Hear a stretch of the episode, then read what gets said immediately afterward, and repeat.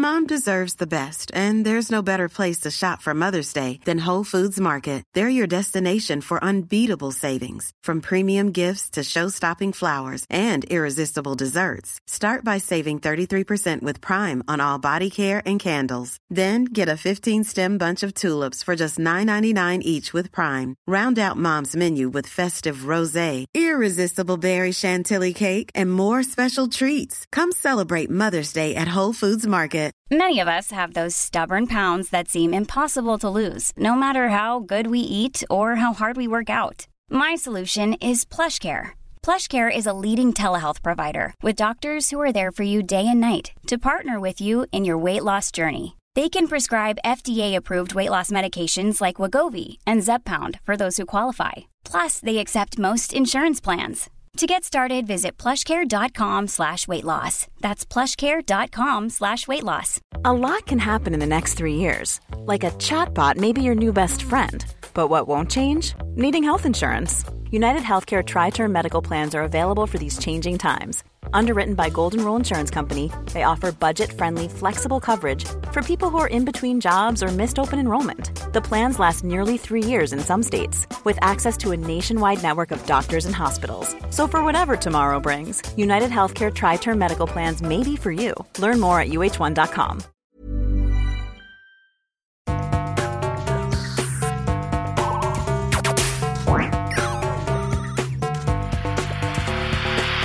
Jeg heter Sondre Risholm Livrød.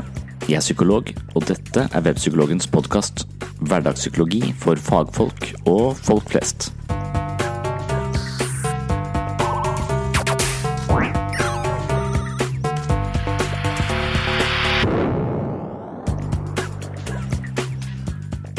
Hei, og velkommen til en ny episode av Sinnssyn. I dag skal du få være med tilbake til Mandal for å høre andre del av min skravling om identitet. På vei hjem fra Mandal tenkte jeg på en metafor jeg ikke nevnte i foredraget, men som jeg muligens har nevnt i en tidligere episode. Jeg tror at mange mennesker, for ikke å si de fleste av oss, lever med en slags misforstått identitet. Når vi snakker om hvem vi er, så refererer vi til mønstre i måter å tenke, føle og handle på.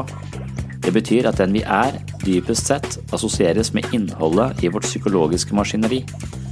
Dersom vi har flest negative tanker, klassifiserer vi oss selv som en pessimist. Har vi flere gode tanker enn vonde tanker, kaller vi oss selv for positive. Tror vi at det meste ordner seg til slutt, så kan vi kalle oss for en optimist. Har vi en selvforståelse som indikerer at vi er mindre verdt eller mindre begavet enn andre mennesker, får vi en identitet som stråler av utilstrekkelighet. Poenget i mitt foredrag om identitet er at vi ikke kan stole på verken tankene eller følelsene våre. Som regel forteller de ikke sannheten om oss, men likevel er det mange som identifiserer seg med sine typiske tanker og følelser. Metaforen jeg tenkte på i bilen hjem fra Mandal, handler om at mennesket er som en TV. Dersom vi skrur på en TV og finner en kanal med en voldelig film, vil vi ikke påstå at vi har en voldelig TV. På samme måte tenker jeg at vi må med fordel kan forholde oss til innholdet i vår egen bevissthet. Tanker og følelser kommer og går hele tiden, og dersom vi sammenblander vår verdi som menneske eller vår identitet med disse tankene, blir det like misvisende som å kalle en TV for morsom, aggressiv, kjedelig eller saklig, avhengig av hvilket program og hvilken kanal som tilfeldigvis flagrer over skjermen. På spørsmålet om hvem vi er, svarer vi som regel med å referere det mentale programmet som dukker opp akkurat idet vi får spørsmålet. Hadde vi fått spørsmålet dagen etter, hadde vi kanskje svart helt annerledes. Det er ikke dermed sagt at våre psykologiske disposisjoner ikke er en vesentlig del av oss, men poenget er at vi gjør det til en for stor del av oss. Dersom vi isteden kan forestille oss at vi er eh, bevissthet, altså som TV-en, og ikke alt det som fyller opp bevisstheten vår, fra det ene øyeblikket til det andre, så nærmer vi oss kanskje den buddhistiske filosofien. På spørsmålet om hvem er du, skal du simpelthen svare jeg er. Alt annet blir å koble seg selv og sin egen identitet opp mot tilfeldige mentale programmer. Det ble den mest kronglete, innfløkte og kanskje feilaktige innledningen jeg har presentert så langt i denne podkasten, men snart skal jeg gjøre det enda mer tydelig i andre del av foredraget jeg holdt i Mandal. Før jeg spiller opptaket, vil jeg igjen takke alle som har tatt seg tid til å rate podkasten i iTunes. Jeg blir veldig glad og rørt over hvor rause folk har vært med ros i de tilbakemeldingene jeg har fått. Jeg håper også at de som liker podkasten, vil bidra med ratinger i iTunes, ettersom det er den valutaen som gjelder i podkastverden. Dersom flere plukker opp sinnssyn, er det større sannsynlighet for at jeg kan fortsette dette prosjektet. For at flere skal oppdage sinnssyn, hjelper det at du gir den stjerner og eventuelt en kommentar i iTunes. Jeg vil også nevne at jeg holder på med innspillingen av en annen podkast som heter Pastoren og psykologen. Vi har spilt inn nærmere ti episoder, og vi skal slippe dem fortløpende utover vinteren. Når jeg sier vi, er det fordi denne podkasten er noe jeg lager sammen med Rune Tobiasen. Han er en god venn og en person jeg har hatt mange og lange diskusjoner med. Han er pastor, og jeg har definert meg selv som ateist slash agnostiker. Målet med pastoren og psykologen er å drøfte livets store spørsmål fra et troende og et ikke-troende perspektiv. Vi skal snakke om døden, meningen med livet, fri vilje, ondskap, moral og mange andre spørsmål som ligger i spenningsfeltet mellom religion, filosofi og psykologi. Det er ikke sikkert at du vil like denne podkasten fordi du hører på sinnssyn, men på sett og vis er det litt i samme gata. Jeg håper derfor at du sjekker ut vår nye podkast, som altså heter Pastoren og psykologen. Du finner den på iTunes. En siste ting før vi tar turen til Mandal, er mitt evinnelige mas om bøkene jeg skriver. Foreløpig har jeg gitt ut to bøker om psykologi og selvutvikling, og de gjenspeiler mange av de temaene du finner her på sinnssyn. Liker du dette, så er det sannsynlig at du også vil like bøkene. Du får kjøpt dem på webpsykologen.no til best pris med raskest levering, og leveringen er gratis. Da er jeg ferdig med obskure metaforer og reklame, og vi setter over til eh, onsdag 15. november klokka 10.15 i Mandal. Del to av foredraget om identitet.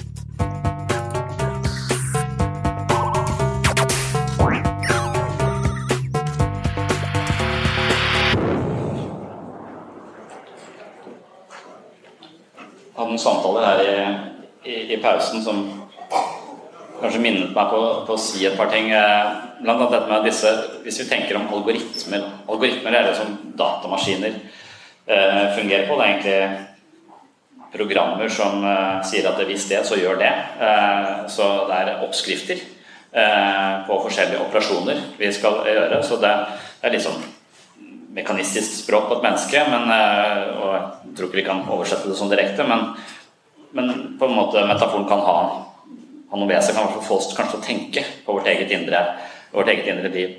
Og, og, det er det jeg tror vi må. altså Vi må tenke på våre egne algoritmer. Eh, men vi har så mange av de, så vi kan ikke tenke på alle. Eh, og det er en grunn til at vi har algoritmer. Eh, fordi at verden er full av ting du må avgjøre hele tiden. Du må hele tiden hvis du ikke hadde noen algoritmer, så hadde du vært helt amatør. Da, ble, da måtte du vurdert alt på nytt hele tiden. Du hadde ikke klart å komme deg flekken. Eh, så algoritmene er jo noe som vi har for å kunne reagere eh, eh, i situasjoner uten å måtte vurdere dem på nytt og på nytt og på nytt. og på nytt. Så det er handlingsrepertoaret vårt og, og kanskje identiteten vår ligger jo i disse algoritmene. Men det er nå da du har algoritmer som ikke funker bra nok, det er da du bør på en måte være litt interessert i hva sier denne algoritmen? Hvor ble den installert? Når ble den installert? Hvem installerte den? Har jeg gjort det selv? Så at, så at man da øh, må på en måte gjøre sine egne algoritmer til gjenstand for analyse, og eventuelt prøve å gå imot dem. Uh, og hvis det da er en parasitt som er denne algoritmen, hvis det ikke er en algoritme, men rett og slett en parasitt, så, jo, så er spørsmålet har vi nok fri vilje til å si at jeg har veldig lyst til å hoppe fra det stupet. Det er det eneste jeg har lyst til akkurat nå, men jeg vet at det er en parasitt som lurer meg til å tro det fordi at den skal eh, formere seg i fallet eller et eller annet.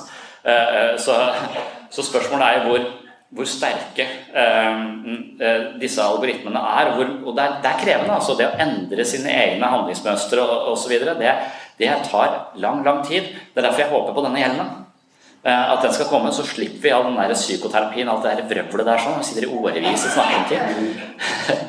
som, som, egentlig er ganske interessant da, og hyggelig. Men for, for noen er uhyggelig og skremmende osv. Og, så videre, og gir livet en viss farge. Men, eh, eh, så, og jeg tror det er en del ulemper med den hjelmen som jeg, som jeg nevnte.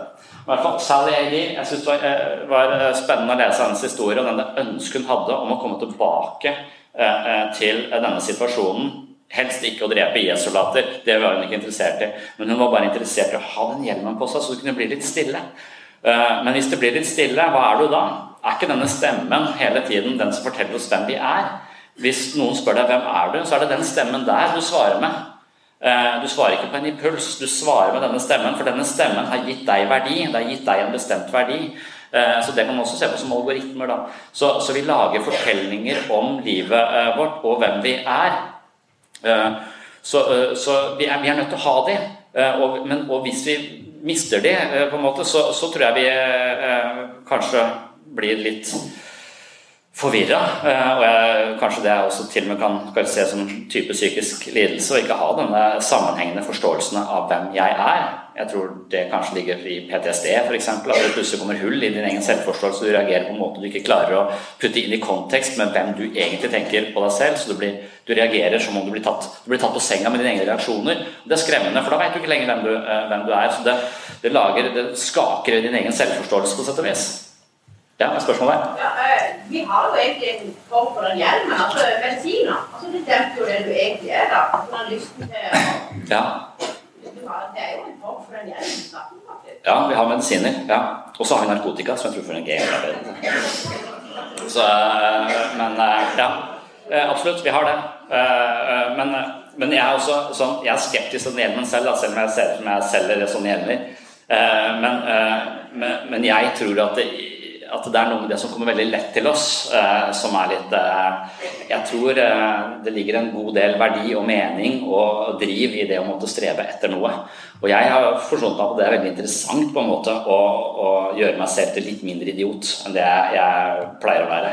Og det er på en måte Det tror jeg kanskje er de fleste sitt livsprosjekt. er også reagere litt mer hensiktsmessig, være litt mer tålmodig, være litt bedre pappa enn det jeg var i forrige uke og, gjøre en aktiv innsats på det, på det, planet. Ikke for at jeg skal Jeg får det bedre, men egentlig for at de som er rundt meg, skal ha det litt bedre. uh, ja.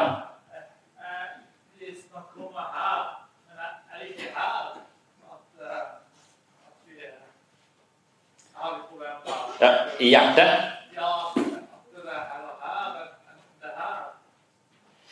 Ja, det som kommer fra hjertet, jeg vet ikke uh, det ektefølte, altså det, det, det intuitive. Det noe, når vi har gode algoritmer, så tror jeg vi kan stole på magefølelsen vår. For da tror jeg magefølelsen vår er så, så at vi, vi, kan på en måte I visse tilfeller så kan vi stole på oss selv, men skal vi vite at du har gode algoritmer. Og det, det er egentlig empiri. Du må finne ut av har jeg gode algoritmer. Uh, gifter jeg meg med folk som det er lurt å være sammen med, eller blir jeg kjæreste med folk som det hele tiden er ikke lurt å være sammen med? Hva slags algoritmer har jeg når jeg finner partnere? Hva slags algoritmer har jeg når jeg møter nye folk? Og hvis det funker bra, så kan du bare hvile i det, og det kan bare ta deg rundt i livet uh, på en god måte. Men idet du hele tiden finner folk som behandler deg dårlig eller ser ned på deg, gang på gang på gang på gang, så, så er det kanskje noe med disse malene du har på det mellommenneskelige, som kanskje har blitt installert fra erfaringer du har tidligere. Det er tilknytningsteori som forteller noe om, uh, om de tingene der, hvordan på en måte våre tidligste relasjoner, og så blir det en slags mal på hvordan vi forholder oss til andre mennesker senere i livet. og Jeg kaller det algoritmer uh, på, på, en sånn uh, ja. Så, og, og, hvis du da Men du også har disse stemmene som er selvkritiske og, osv., og, og vi hele tiden tolker de impulsene som kommer fra Gud vet hvor, så tolker vi det og lager fortellinger. Og det er de fortellingene også. Hvem er du? Og når du begynner å svare på det, så skal du være veldig skeptisk. For da er jeg usikker på om du eh, eh, jeg, vi, vi, må jo svare, så vi får svare det vi, vi føler. Men, men, ta det med en klype salt, er i hvert fall min eh, Har jeg fått tenkt at jeg helt må gjøre. Hvem er jeg? Jeg er vel ikke den samme i dag som jeg var i går, f.eks. Eh, og om ti år så er alle cellene i kroppen min skiftet. Og da er jeg den samme da. Hvem er jeg egentlig? Er, eh, og jeg, som, jeg så fortalte Han hadde ikke noen sånn følelse av å være et narrativt selv. Da. Han hadde liksom ikke, han følelse av at han var mer her og nå. Han hadde ikke noe, han hadde ikke noe følelse for at han som femåring er den samme som han er i dag. Det var en helt fremmed person for han. Og det å spare opp til pensjon f.eks., det var også helt merkelig for han. Det var som å samle inn penger til en person han overhodet ikke kjente, som eksisterer eh, i, i fremtiden. Har ingenting med han å gjøre. Eh, sånn har ikke jeg det. Jeg føler at Sondre som femåring er eh, en, eh, At jeg er den samme personen i dag, da, bare med litt mer ideer i huet mitt enn jeg hadde da jeg var fem. Så det, så det er noe, noe, som er kontinuerlig der. Kanskje religion si deg sjel. Det er jeg også skeptisk til. Men Det, man, det, vet man jo ikke helt. Uh, og dette her har jeg tatt med uh, for, for, for, å bare så litt tvil. Og jeg er interessert i at man, jeg er ikke interessert i at man skal nødvendigvis tvile på seg selv, men jeg er interessert i at, eller jeg håper at det, ved å snakke om identitet, som er temaet i dag, eller ved at vi begynner å tenke litt innover og, og, og, og gjør vårt eget indre register av algoritmer til gjenstand for analyse. Noen fungerer helt sikkert bra, bare la de ligge. Men de som ikke fungerer bra, er litt interessert, interessert i de. Og Når vi da lager disse selvforståelsene også uh, om, om, hvem vi er, så skal vi også tenke at det kanskje de er bygd på litt vagt materiale. Noen fornemmelser noen følelser som vi ikke helt uh, kan være klar over om stemmer. Og, og Sosialpsykologien er full av eksempler og studier som viser oss noe om dette. Bortsett fra at hele sosialpsykologien er falsifisert. Uh, og det kan ikke så, så, det er gjort masse studier man ikke egentlig kan finne ut om, om stemmer. Men, men, dette er et studie som jeg syns er interessant. det er David Pizarro, som er en psykolog fra Cornell University eh, som er ekspert på disgust. Han har forsket masse eh, på, på disgust. Eh, og igjen, skal, Dette er et poeng som på en måte prøver å illustrere denne stemmen vi lager, denne forklaringen på hvem vi er, hvorfor vi gjør sånn som vi gjør, og hvordan den kan være ganske feilslått. Så han har funnet ut at det er en sammenheng mellom politisk orientering og hvordan vi reagerer, eller hvor lett vi vemmes, eller hvor lett vi opplever disgust, som Eh, som han er opptatt av. Og Det er eh, et interessant eh, fenomen. for jeg tenker at Politikk kan også være en del av vår identitet. Hvor jeg befinner meg i det politiske landskapet kan også være en viktig del av min identitet. Og, så, så, men, men, hans studie den er gjort på den måten at han gir folk innmari masse spørsmål om hva de mener politisk. Og så svarer de på disse spørsmålene To måneder senere så får de det samme skjemaet, og de skal svare på nytt. Og så skal vi se om de svarer likt. Eh, men man har gjort en forskjell. Den første situasjonen så lukter det blomster i det rommet hvor folka sitter og svarer. Om to måneder de skal svare på det samme skjemaet, så lukter det søppel i rommet. Og da svarer folk mye mer konservativt. Eh, så det er stor forskjell på hvordan de står politisk når det lukter blomster i rommet, som når det lukter søppel i rommet. Så det er som om at vemmelsen det gjør oss litt mer sånn tilbaketrukne, litt mer konservative, innstilt også politisk sett. Og det er jo veldig interessant. Altså, og, det, men det interessante er kanskje når du da spør dem hvorfor har du endra mening på alle disse områdene fra, på denne perioden på to måneder. Eh, så, så, lager dette narrativet selve lager da en forklaring på jo, du skal høre her på grunn av det. Det tar På stående fot så lager det en forklaring på hvorfor vi har endra oss. Mens forskerne vet at tendensen her er til å endre seg fordi eh, lukta i rommet er forskjellig. Og jeg tror ikke at vi kan korrelere liksom, eh, lukt med politisk orientering. Det vil være, Da kan vi forsøple valglokalet, og så vil alle stemme Frp. Eh, eh, så Det har ikke lov å si. Eh, så så eh, eh, men, men, jeg tror at det er en av en million faktorer som påvirker hvordan vi bedømmer en situasjon, og hva vi tenker om oss selv. Eh, jeg, og jeg tror det er en haug av disse situasjonene. Det er noen dommere i Israel som, som, på en måte skal vurdere om folk skal bli, få prøveløslatelse. Det som predikerer hvorvidt de får prøveløslatelse eller ikke, er når på dagen saken deres kommer opp. Hvis det kommer opp tidlig på dagen, så får de det gjerne. Hvis det kommer opp rett før lunsj, så får de avslag. Og Det er en, det er en helt eh, klar sammenheng. Da er de kontrollert for veldig mange faktorer. Det virker som blodsukkeret til dommeren har noe å si på humøret og hva, hva, hvordan de dømmer i denne saken. Og hvis blodsukkeret spiller en rolle, hva med hudfarge, hva med utseende? Alle disse tingene som styrer måten vi bedømmer noe på. Og når, når, vi får et spørsmål på hvorfor gjør du sånn, så lager vi en rasjonell forklaring. Og det er dette narrativet selve. Må ikke stole på det. Særlig ikke når du prater om oss selv negativt. Hvis du prater om oss selv på en god måte, bare hør på det. Det er ikke sikkert det er sant heller, men bare, det, det, er, det, er, jo greit. Det trenger vi ikke gjøre noe med. Det, jo, det er jo greit. Men hvis du prater for godt om oss selv, du er verdens beste person. Du burde herske over hele verden. Du er helt ufeilbarlig. Hvis, hvis det er stemmen som går opp i hodet på deg, så, så blir du amerikansk president, da, åpenbart. Uh, men det er også virkelighetsfjernt. ikke sant? Vi bør få denne, vi bør være sånn passe kritiske til denne stemmen. Den bør ikke si at vi er en dritt, men den bør heller ikke si at uh, du er den smarteste personen på jorda. Altså, så er du egentlig et uh, skrotum dypt i ostesaus eller et eller annet. Så det var voldsomt politisk det ble plutselig. Mm. Ok, så opptatt av den stemmen. Positiv psykologi sier noe om dette. Martin Selingmann litt sånn eh, Noen, noen uh, syns at det er litt sånn uh, Ikea-psykologi, litt sånn enkelt og, og, sånn, men hvis du leser bøkene hans, så, så syns jeg det er veldig mye gode, gode tanker der. Og han er opptatt av disse måter å tenke på, måter å tolke uh, verden på. Han ligger litt i denne kognitive tradisjonen som Ingvar Wilhelmsen også gjør. ikke sant? Så Ingvar Wilhelmsen sier jo hele tiden at alt, alt, det du forstår av deg selv, er tolkninger, og du kan velge å tolke ting på forskjellige, på forskjellige måter. Eh, så han har disse, de som har hørt han har de samme eksemplene sine, hvor han bl.a. møter en, en, dame på 70 år som har eh, vært seksuelt misbrukt og trakassert eh, gjennom stor del av livet sitt og hatt et ræva liv etterpå dette. Vært mye redd og mye angst og mye psykiske plager. Og så kommer hun til Ingvar Wilhelm og sier at det må være for seint å endre seg. Og så sier han ja, det er en holdning, sier han. Hva mener du det en holdning? Ja, jeg hadde en mann her i forrige uke. Han hadde en annen holdning. Ja, Hva mener du? Hva, hva mente han? Jo, Han sa at eh, nå har han levd et forferdelig liv uh, og hatt det kjempevanskelig hele veien, men nå var han blitt 80, så nå var det på tide å gjøre noe med saken. Det er en annen holdning du kunne hatt isteden. Så, så han, her mener man litt at man kan velge holdninger. og Det høres litt enkelt ut, og jeg er også tilbøyelig til å tenke at vi kan kanskje det.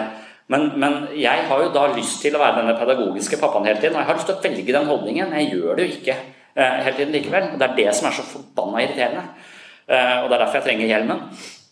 Eh, men, men, en av de studiene til, eh, til Martin Sellingmann, det er eh, med denne hva man skal kalle fortolkningsstil. Da. Det er et firma som driver med telefonsalg. Eh, og de menneskene som jobber i telefonsalg, de blir avvist 200 ganger hver dag. Eh, og det mennesket syns er mest ubehagelig, det er å bli avvist av andre mennesker. Det er ganske eh, ille for oss. Det er ofte det vi frykter mest av alt. Det er det som ligger bak sosial angst. Vil ikke folk like meg? Altså, de, frykten for å bli avvist er ganske stor. Eh, det er egodøden, på en måte. Jeg er du ved å avvise meg, frata meg verdi som menneske. Og Det er fordi at identiteten vår ofte er knytta til hvordan andre mennesker vurderer oss, som også er en helt feilskrudd identitet. Altså Hvis du går rundt og tenker at du er verdifull avhengig av hvordan andre ser på deg, så, så er du også ja, ganske ille ute og ganske avhengig av andre mennesker er ok personer. For når du da møter drittsekker, så vil det gå utover deg som, som menneske og din verdi.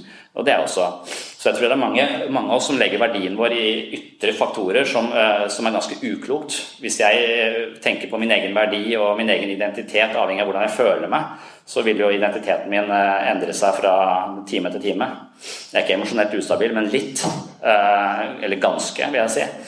Jeg veit ikke, jeg har ikke tatt den der skidden på meg sjøl, men jeg er ganske sikker på at jeg hadde fått noe utslag både her og der. Avhengig av hvordan det lukter i rommet vel å merke. Så fortolkningsstil altså det her er et firma. Eh, de eh, bruker masse penger eh, på å ansette folk som de lærer opp. Bruker mye penger på å lære de opp, og etter to måneder så slutter de, for da orker de ikke mer.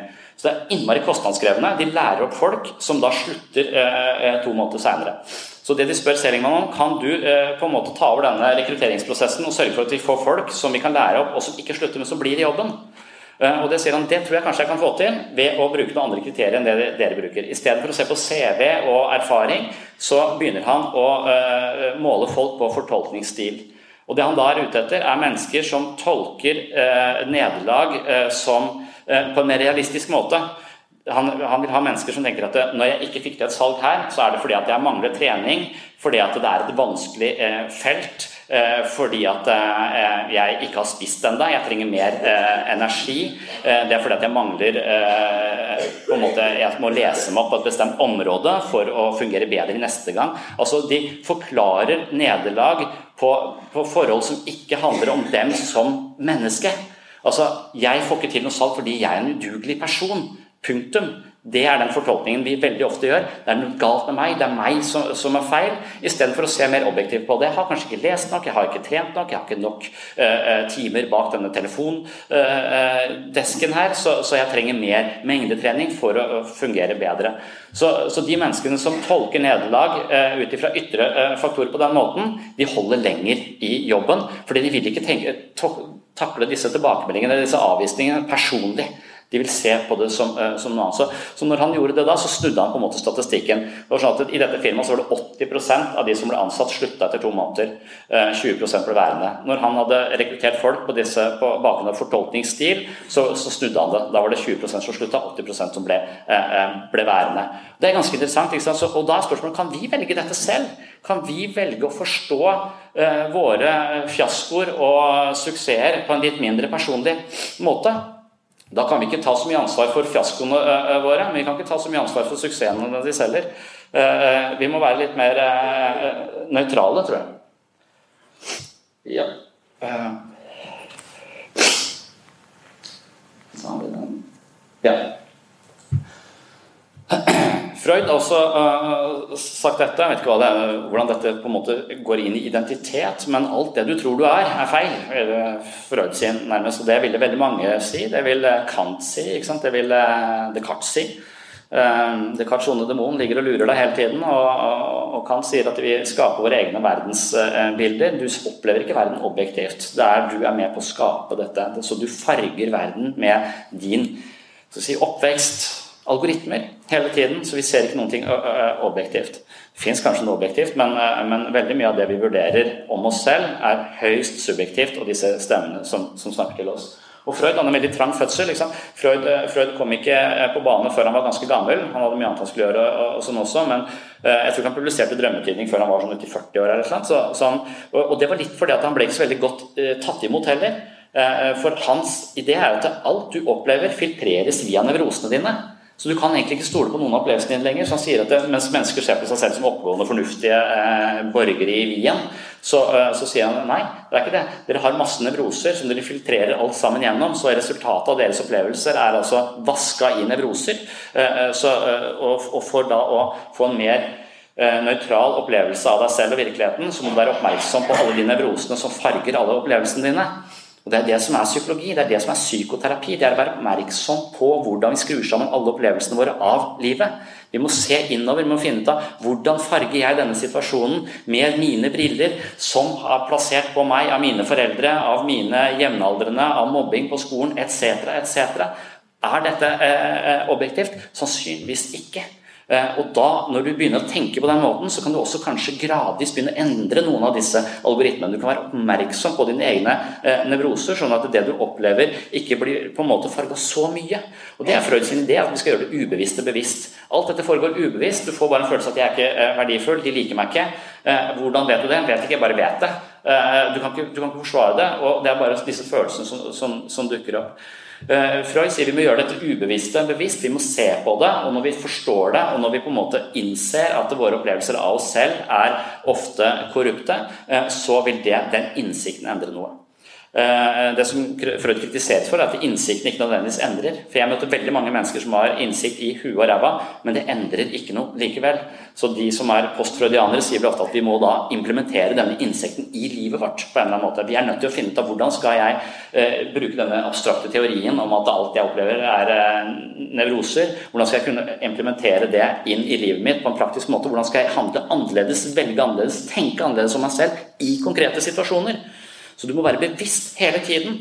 Og det å endre en algoritme, det er ikke bare sånn Ja, nå skjønte jeg det. Nå er jeg endra. Noen få mennesker er sånn. Jeg møter ca. én hvert femte år. Det, det, mener jeg. Det er helt trolig. De hører, de leser, de forstår, og så er de der hos oss i to måneder, og så går de ut og har endra alle disse algoritmene. Bang! Eh, jeg aner ikke hvordan de, eh, de, gjør det, eller hva som Jeg har veldig lyst til å kalle de inn noen og snakke med hvordan, hvordan gjorde du det der? Skjønte ikke hvordan du endra det. Men, men, langt de fleste av oss har mye mye vanskeligere for å endre disse eh, algoritmene og bruker veldig lang, eh, lang tid.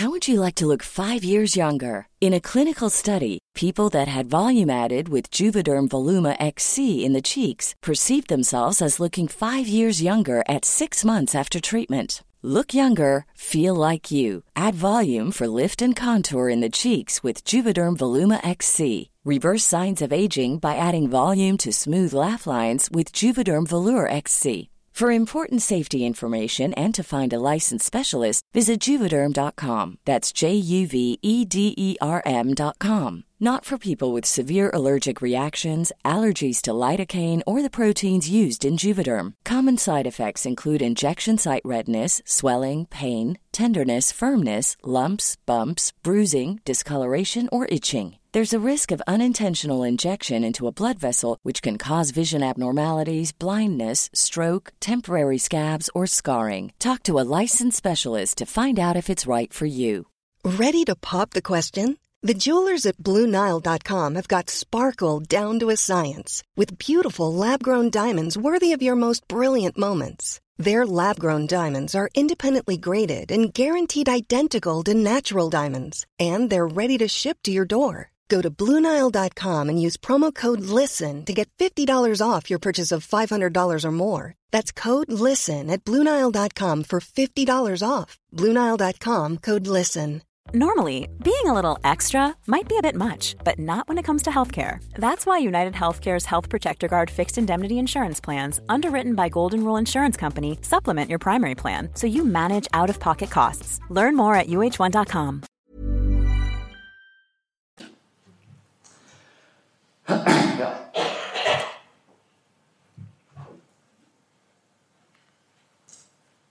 Og hvis man skal da, eh, Dette er det som jeg ofte har pleid å snakke om, som jeg også kaller en slags sånn modell på, på personlighet.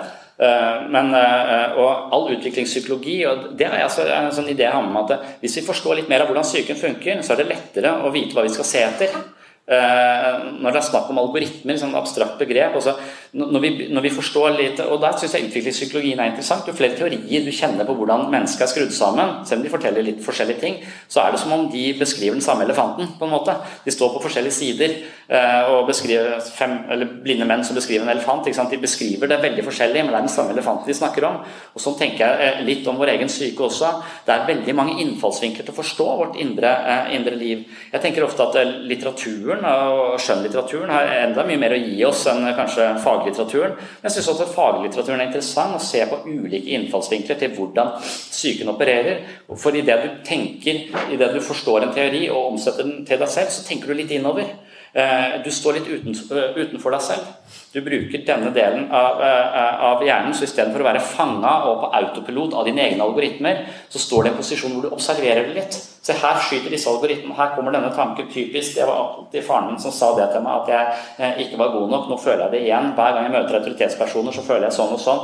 Så den observerende eh, instansen i deg selv som ser dette ego eh, drive og, eh, og slite med å leve fordi det opererer på algoritmer som er skakkjørte. Og i denne posisjonen kan vi hvem er dette? Hvem er dette som da observerer? Bevissthet, kanskje? Men, men, i så fall, hver gang vi observerer oss selv, så er vi jo ikke oss selv lenger. Vi er ikke fanget av disse algoritmene. Så i vår egen undersøkelse av vårt eget indre liv, så kan vi slippe fri, er vel en slags idé i en generell psykoterapeutisk idé. Enten du da fokuserer på tankene, eller du fokuserer på affektbevissthet, følelsene. Eller du fokuserer sånn som jeg jobber i gruppeterapi, fokuserer veldig mye på relasjon. Hvordan, hvordan, hva som foregår i underteksten mellom meg og andre mennesker. Så, så, hele tiden vi gjør noe som var ubevisst bevisst. Vi fokuserer på deler av vårt indre liv sånn at vi ikke lenger er fanget av det. Istedenfor å tenke at nei, jeg er en dårlig person, så, så ser du, du vurderer, du bare står og stirrer på den, den, den tanken. Og, og, og da, da tenker jeg identiteten vår vi, jeg tror at Identiteten vår tror vi er denne ansamlinga av algoritmer. Det er meg. Mens hvem er da dette som observerer dette? Det er et mer interessant spørsmål. Det er, det er kanskje den du egentlig er. Den som ikke tenker at jeg må prestere sånn og sånn for å være verdifull. Hvis ikke jeg presterer top notch, så er jeg udugelig. Det som, disse stemmene som er her sånn, det vi identifiserer oss med, det er kanskje en falsk identitet. Psykoterapi prøver å rydde opp litt her og si at du skal tenke litt annerledes og føle litt annerledes. og Det er litt som å ommøblere huset, sånn at du ikke driver og snubler i sofaen hele tiden. Du setter den et litt annet sted. Og så når du er ferdig i psykoterapi, så er det fordi du ser litt annerledes på deg selv. Veldig ofte så har du akkurat de samme følelsene, bare at de er litt svakere. Du syns fortsatt at du er litt udugelig, men ikke så udugelig. Så, så det er litt sånn ja, ikke så veldig ambisiøst prosjekt, egentlig. Mens Østen, den mer meditative strategien, det handler om å avsløre hele dette ego. Skjønn at alt det du tror du er, det er du ikke. Du er bevissthet, og det er like verdifullt hos alle mennesker. Alle mennesker er like verdifulle. Og det har jo alle visdomstradisjoner sagt oss i tusenvis av år. Det er bare ingen som tror på det. I hvert fall ikke i vår sekulariserte verden. Vi har slutta, å tro. Men alle disse har sagt at du er verdifull for den du er. Du er eh, bevisst. Og så er det jo korrupte eh, mekanismer i religion som har fortalt deg det stikk motsatte. Uh, men, men, men, men, likevel, altså, det er en, ofte en grunntanke om at vi er verdifulle som mennesker, ikke for det vi presterer, eller det vi, hvor mange likes vi får, eller hvor godt vi blir. Altså, alt dette her sånn, alt dette eh, skravlinga som tilhører livet vårt, er en del av det slitsomme, uh, slitsomme livet.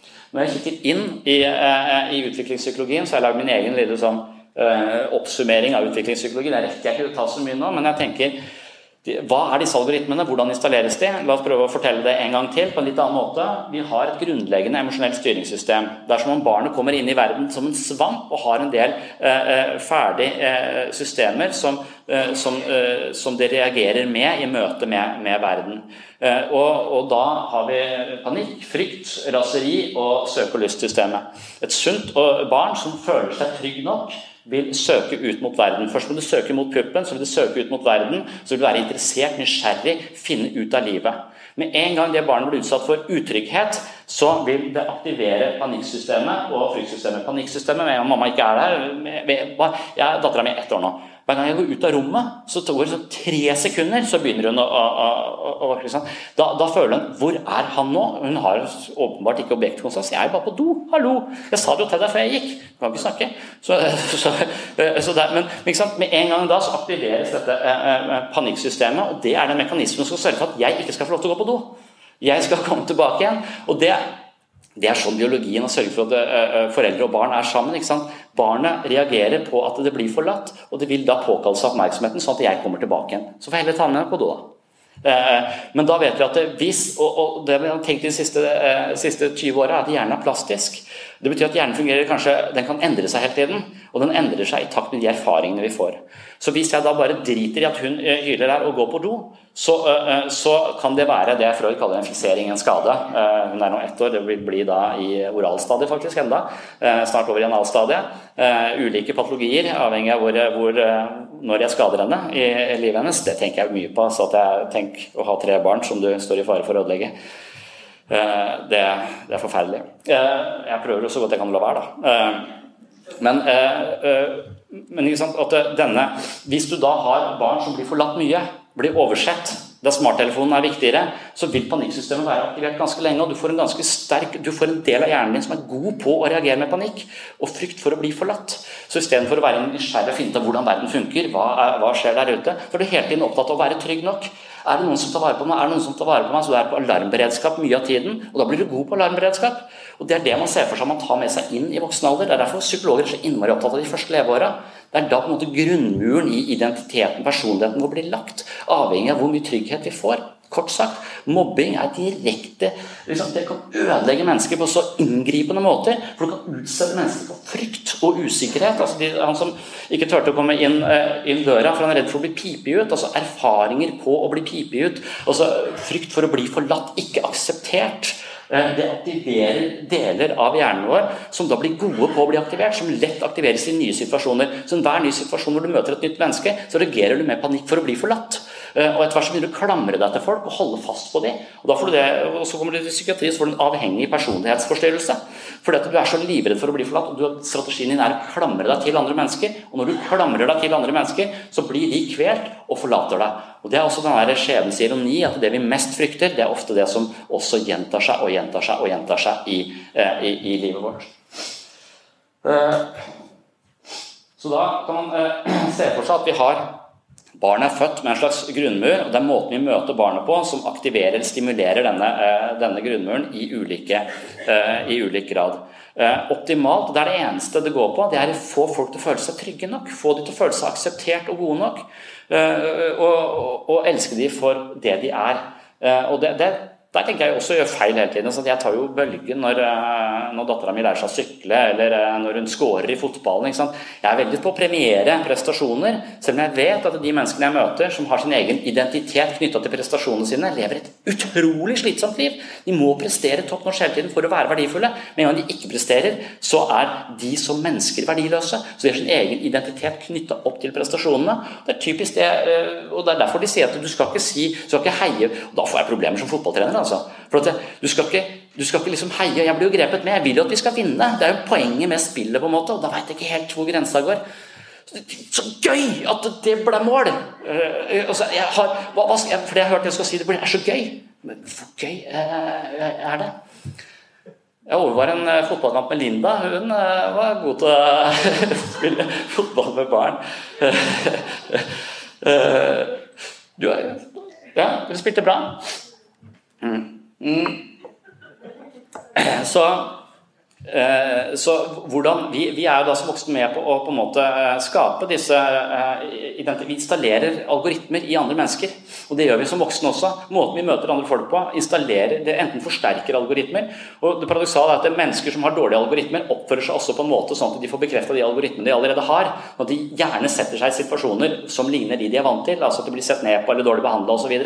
For det å bryte en sånn algoritme, det er på en måte å være på helt gyngende grunn. Da veit du ikke hvem du er. Du kan ikke bruke autopiloten lenger lenger.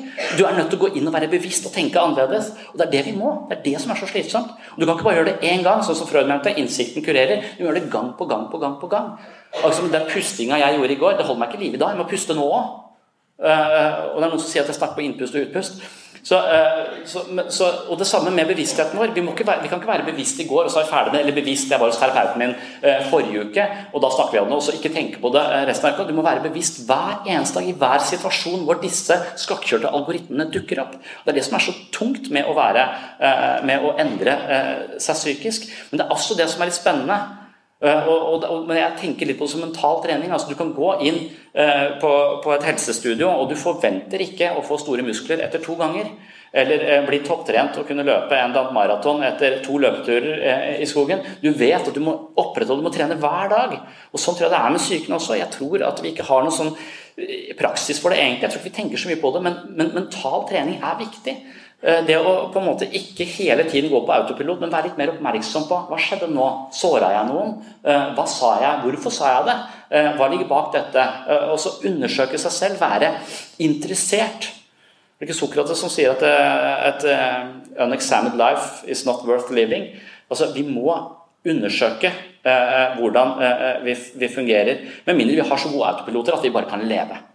Eh, og det er det jo noen som har, men langt de fleste av oss har noen algoritmer som vi er nødt til å, kikke litt ekstra på. I hvert fall er jeg en haug av de, og det er det som jeg syns er en slags frynsegode ved min jobb, er at jeg undersøker disse tinga hele tiden i gruppeterapi. Hvordan opplever andre mennesker meg, og, hva slags algoritmer er som kjører i møte med forskjellige eh, mennesker. Vær oppmerksom på, på det som foregår eh, på innsiden. Hvis du da utsettes for overgrep, faenskap, dritt fra andre mennesker, og det er det altfor mange som gjør Disse statistikkene på at det er opp mot 30 eh, som er utsatt for, eh, eh, for seksuell trakassering eller overgrep osv. Det er så innmari utbredt. Det gjør at mange av disse systemene ikke fungerer optimalt. Det betyr ofte at de har mye mental energi bundet opp i frykt og panikksystemer. Mer enn vi strengt talt hadde, hadde trengt.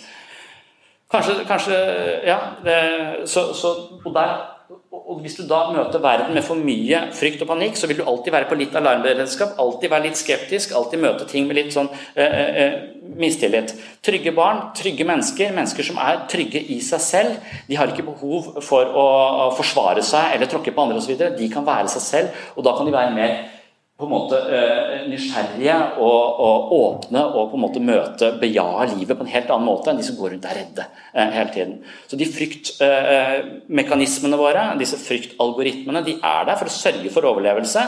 så de har en funksjon, og mange av de må vi ha, sånn at vi ikke blir påkjørt og, og, og spist opp av en bjørn osv. Men veldig mange av disse, disse fryktsystemene våre er også skakkjørte ved at vi er redd for ting som åpenbart ikke er farlig. Hunder, sosiale situasjoner, snakke for, i forsamlinger osv. som vi er eh, veldig, veldig redd for.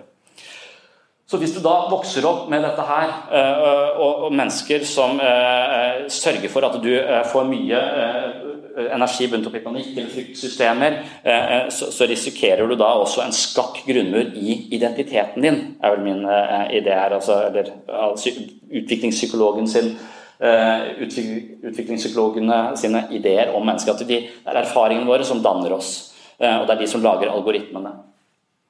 Eh, så Du har også raserisystemet. Det, det handler om selvhevdelse. Så, og jeg har en femåring nå, han på knebrettet. Det der er trassalderen, det er analstadiet. Det handler om å, å markere seg og finne ut av hva slags status har jeg i flokken. Så han vil gjerne vinne alle diskusjoner, han vil gjerne bestemme alt vi skal. Og da hadde vi dødd av livsstilssykdommer hvis han fikk lov til å bestemme alt. For da hadde vi spist ja, eh, godteri til frokost og middag og kvelds. Så, eh, så, det kan han ikke. Man må få vinne noen kamper. Altså Selvhevdelse, markere seg. Han må føle at han har en viss innflytelse, men hvis han kan styre oss, kan han styre hele eh, eh, familien, som han på en måte kan, eh, føler jeg litt, så, så, vil han også være på toppen av hierarkiet, og det er litt tidlig når du er fem år. Mental alder fem år bør ikke være leder for noe som helst. USA. Så så dermed så, uh, så, bør han sørge Vi bør sette tydelige grenser for ham. Si at nei, det er ikke greit. Så, så, hvis du ikke tør å sette grenser, så risikerer du altså at han får så mye energi i raserisystemet at enhver situasjon som ikke går i hans favør, så bare reagerer han med raseri og, og, og, tenker at jeg driter i alle andre, jeg bare kjører på, dette det er jeg som bestemmer. Og han får en type forstyrrelse, og han blir en lite sympatisk person i verste fall. Så Det er det å sette grenser, men også tillate at de vinner noen kamper og få selvfølelse. Det er veldig vanskelig med å være foreldre. altså. Uh, også uh, Ideelt sett har vi dette søke- og lystsystemet, så når folk er trygge nok og føler seg eh, akseptert og, og, har troa på seg selv, så kan de være lekent til stede i, i, i verden på en interessert eh, måte. Og, og, hvis du da har balanse i disse, så er du en balansert person. Vi har alle disse systemene, alle disse eh, personlighetene, identitetene har vi i oss. Men det som utgjør vår unike identitet, er i hvilken grad de er vekta. Så hvis vi har en stor en skakkhet i denne grunnmuren, blitt mye forlatt, blitt mye kritisert, blitt mye mobba osv., har mye energi i frykt og panikk, så kan det være at vi reagerer med den typen algoritmer i altfor mange eh, situasjoner. Og da vil man i psykiatrisk sjargong kalle det en personlighetsforstyrrelse. Og Da får vi disse fortellingene om hvem vi er. På bakgrunn av alle disse grunnleggende emosjonelle styringssystemene. og Hvis du skal oppsummere det kort, så får du nederst til høyre. ikke sant? Det er panikksystem. Det er frykt for å bli forlatt. Og Da har du en følelse av at 'jeg er ikke ok, men du er ok'. Dette er mennesker som ser opp til andre, har veldig troa på andre, veldig lite troa på seg selv. De klamrer seg til andre mennesker uh, uh, i frykt for å, å, bli forlatt. De føler seg som et barn i en voksen uh, verden. Det de er mest redd for av alt i hele verden, det er å bli forlatt. Og det er ofte det de oppnår også ved å på en måte oppføre seg avhengig og og, og, og klamrende. Uh, og Da er det algoritmer som hele tiden forteller at uh, med en gang noen forlater deg, med en gang noen går ut døra, så forsvinner de for alltid. For det var det pappa uh, gjorde når han gikk, kom aldri tilbake. Eh, så, så algoritmen sier at nå er du forlatt, du er alene i verden, du kommer til å dø. Selv om den personen som forlater deg, vet at du skal se igjen på ettermiddagen, f.eks. Så reagerer du, kroppen din, algoritmene, selv om fornuften din 5 klarer ikke å overstyre disse algoritmene. Det er det som er problemet. Vi må jobbe om og om og om, om igjen for å motbevise disse automatiske mønstrene, eh, eller negative levereglene, som det kalles i denne eh, forstand. Så du får en sånn oversikt av 'jeg er ikke ok, du er ok'. Og så får du eh, På fryktsystemet så får du 'jeg er ikke ok, du er ikke ok'. Folk som har opplevd at folk behandler de dårlig, så får de ikke en følelse av at 'jeg er ok', jeg er ikke en ok person, eh, eh og andre mennesker er ute etter å ta meg.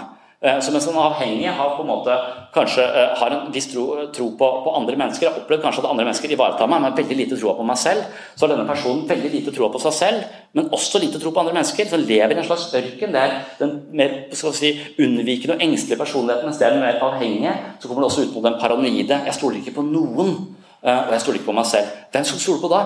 Da er identiteten din ganske sånn da, da, da, er det et vanskelig landskap.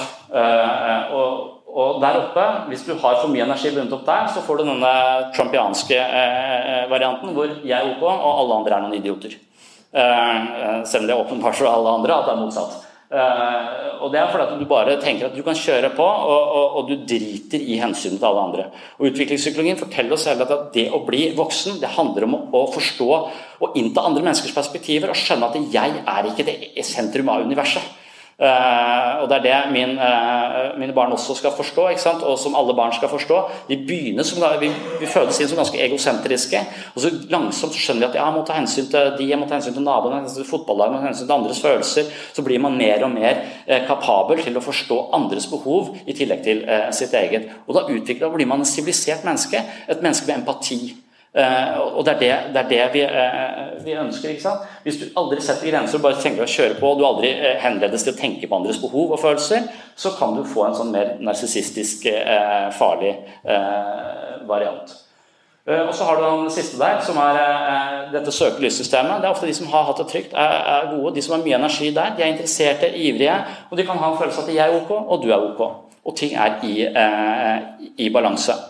Når jeg eh, kommer inn eh, på eh, Når jeg får disse menneskene her i type behandling, da, jeg er på DPS Solvang i Kristiansand, så møter jeg varianter av disse. og og, og når han der nederst til høyre kommer inn, så har han sånn slakt håndtak. Du kan liksom ikke kjenne at han tar ikke i. Han ser ned, rødmer, beklager at han opptar min tid, eh, men har veldig troa på meg. Eh, så hvis jeg er litt sånn eh, Eh, ille til mote den dagen, så booster han mitt ego ved å si at du er verdens viktigste eh, person. Og hvis jeg generelt sett har et ganske skakkjørt ego, så vil denne typen mennesker omgås de som ser opp til deg hele tiden og tror at du er løsningen på alt, og fungerer som krykke og fikse opp en Nav og ordne alt mulig. Altså hjelpe denne personen eh, sånn at de blir enda mer hjelpeløse.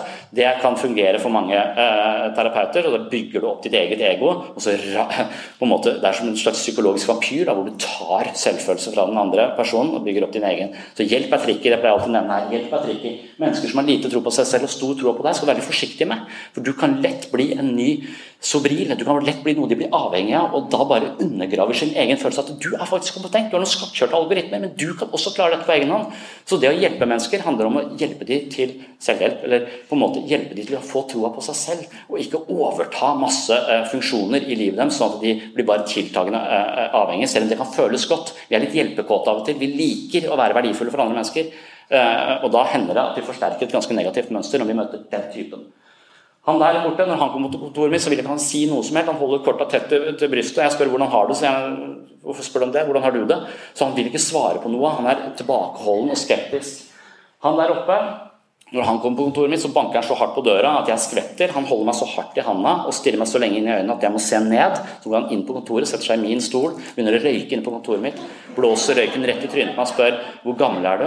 Eh, og så nevner han at han tjener mye mer enn meg. Så han er en ufordragelig farlig person. Og så spør han, sier han at jeg har ikke noe problem, det er kona mi som har et problem. Oppdaget at jeg har vært utro igjen, og hun er helt hysterisk. Og nå sier han at hvis ikke jeg går og jobber med meg selv, så uh, tar hun skilsmisse, og det har jeg verken tid eller råd til. Så kan du bare si at jeg har vært her, så avslutter vi litt tidlig. Da sier jeg ja. Det er greit. Jeg orker ikke han fyren der. Og heldigvis så kommer han ikke, ikke sant? for den fyren der blir enten president eller havner i fengsel. Eh, så Det er veldig sjelden at de kommer til psykisk helsevern hvor jeg jobber. For folk som kommer til psykisk helsevern, de tenker ikke at de er verdens navle. nødvendigvis. Noen ganger gjør de det, men, men veldig ofte så er det ulogisk å gå til noen andre når du tenker at jeg er ok, du er en tulling. Eh, da, da er det ikke noe, eh, noe godt utgangspunkt for å få hjelp. da. Og han øverste høyre der, Det er dugnadstypen. Hvis han kommer i terapi, også veldig sjelden. Disse er selvhevdende. Disse her mangler selvhevdelse. Så, så han dugnadstypen har vært på for mange dugnader. Da kan han bli utslitt. Da kommer han i terapi. Men da er det bare å betale seg ut av dugnader, som i Gimletroll koster 3000 kroner. Eh, ganske dyrt. Så der bør du eh, stille opp. Men eh, men i hvert fall så, eh, så Han har troa på seg selv, han har troa på andre mennesker. Eh, problemet er at det kanskje er litt vanskelig å sette, sette, grenser. Så Det er en måte å gå inn i utviklingspsykologien og undersøke og Nå bare skanner jeg overflaten, men alle de utviklingspsykologiske teoriene forteller oss noe, enten det er Piaget, eller det er Freud, eller det er Kohut, eller det er Winnicott eller Fairbairn. Alle de forteller oss ulike varianter av hvordan vi dannes som mennesker. Og det å være interessert i det, forstå litt av det, kan hjelpe oss til å skjønne hvorfor vi tenker eventuelt veldig negativt om oss selv. Begynne å tvile litt mer på alle de historiene vi forteller om hvem vi er. Det er sånne småhistorier som det er, sånne vignetter som går inn i hodet vårt. Basert på hva vi har opplevd og hvordan vi har blitt møtt av uh, mange andre. Så identiteten vår er skrudd sammen av masse andre uh, folk, og det er dette ego. Og jeg mener, jeg er litt mer på østen her, dementer hele ego, skjønn at du er noe annet. Du er den som observerer. Med en gang du begynner å beskrive deg selv, så er du ikke lenger deg selv. Du har tatt et skritt tilbake, og du ser deg selv være deg selv. Det er den. Da trener vi denne delen av hjernen. og Jo mer vi klarer det, jo, mer, jo mindre bundet blir vi av disse stemmene som hele tiden kritiserer oss. Og det Målet i meditasjon for eksempel, er å være mer til stede i nuet med mindre stress. Det er egentlig bare å være tørre å være til stede i det som interesserer deg, og være genuint til stede uten alle disse tankene som, som sier at du ikke er god nok. Uh, og jeg tenker, Min utvikling selv tenker jeg at det har vært å få dempa disse stemmene litt. For når jeg møtte mennesker i første gang i mitt yrke, så var jeg mest opptatt av om de likte meg. Jeg hørte ikke etterpå hva de sa, jeg bare tenkte at jeg må si noe smart når de er ferdige på svakke. Uh, hvis ikke så har ikke jeg verdi som psykolog. Jeg tror ikke jeg, jeg vet ikke hva jeg skal gjøre i denne rollen. Så, så, jeg var mye mer opptatt av meg selv enn andre mennesker. Idet du på en måte gir litt slipp på dette egoet som må ha disse bekreftelsene, men du skjønner og kan hvile og legge litt det til side, så kan du virkelig lytte til et annet menneske, og du får en helt annen opplevelse. Og du blir mindre selvsentrert. Det er ikke dermed sagt at jeg er så lite selvsentrert, jeg er ganske selvsentrert fortsatt, men det et av målene mine er å egodøden ta litt liv av dette her. Eh, de menneskene som tar livet sitt, de tror jeg misforstår. De tar livet av kroppen sin. Da dør både det og kroppen. Jeg mener at I psykoterapi så skal vi begå selvmord, men vi skal drepe dette ego som lurer oss til å tro at vi ikke er gode nok, eller, og som gjør at vi blir veldig selvsentrerte. Så I psykiatri så bejar vi en form for selvmord, og det heter egodøden, tenker jeg noen ganger. Men så er det noen som formentlig ikke har ego, er helt psykotiske og, og, ikke finner eh, tilbake, men det er en annen variant av det. Med viten og vilje så kan man hvile som observatør til seg selv og plate inn at egoet blir løsere. Vi blir ikke så anspente i livsprosjektene våre, og det må være et eh, mål. og Det tror jeg er identitet. Kanskje dette er identiteten. Ikke tro så mye på den. Prøv å eh, se om, om, du kan hvile litt mer som observatør av dette. Så er du ikke den samme i dag som du er i morgen. Og kanskje jeg er enda mer tålmodig i neste uke med barna mine. Noe jeg håper. Og Hvis jeg er med på dette prosjektet, så tror jeg kanskje at jeg kan langsomt bli en annen variant av meg selv. Mer lik den jeg ønsker å være. Og da er spørsmålet vil jeg da redde barna mine. Jeg vet jo ikke. Hvordan vil disse automatiske algoritmene dukke opp i en uh, krisesituasjon? Men jeg tror at den narrative ideen jeg har om meg selv, kan langsomt overbevise denne andre delen av hjernen. At jeg ønsker barna mine vel, jeg vil redde det. Så jeg tror at vi gir livet verdi. Vi skaper historier om hvem vi er, og langsomt så klarer vi å leve opp til det. Og det er karakterutvikling, på en måte. Og det er eh, kanskje et spennende prosjekt. Og det er et mål som både gagner deg selv og alle de menneskene som er rundt deg. Og da gikk jeg litt på overtid. Beklager det, og takk for meg.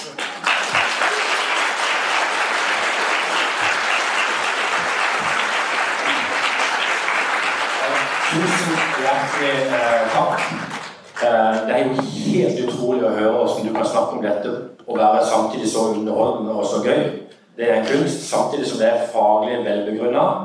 Og jeg følte at det var en aldri så liten reise i min egen identitet.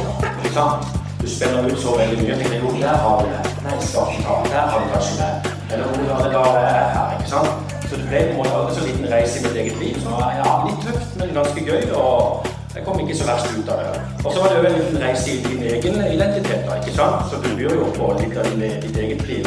Og det var jo gøy at du kommer av og til ganske godt ut, men så er det ikke alltid du kommer så veldig godt ut heller. da. Nå vet jeg at du gjerne vil ha med resten av dagen, mm. uh, men det kan du ikke. For du, har jo da, du er jo far, så du skal vel hjem og være far. Om du blir en god far eller dårlig far denne gangen, det ja. Vet vi vel ikke. Det vet Nei. Det vil du vise. Nei, så, så lykke til med, med, med, med, å være far. Mm.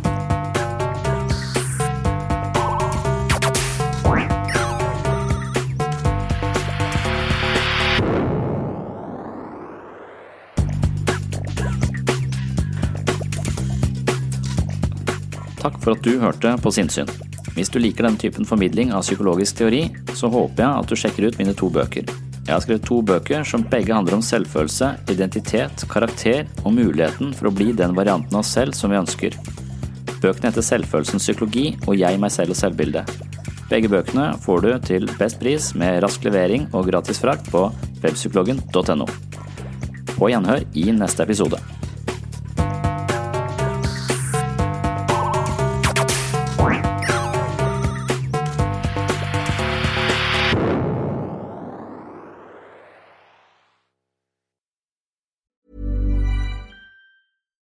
Here's a cool fact a crocodile can't stick out its tongue.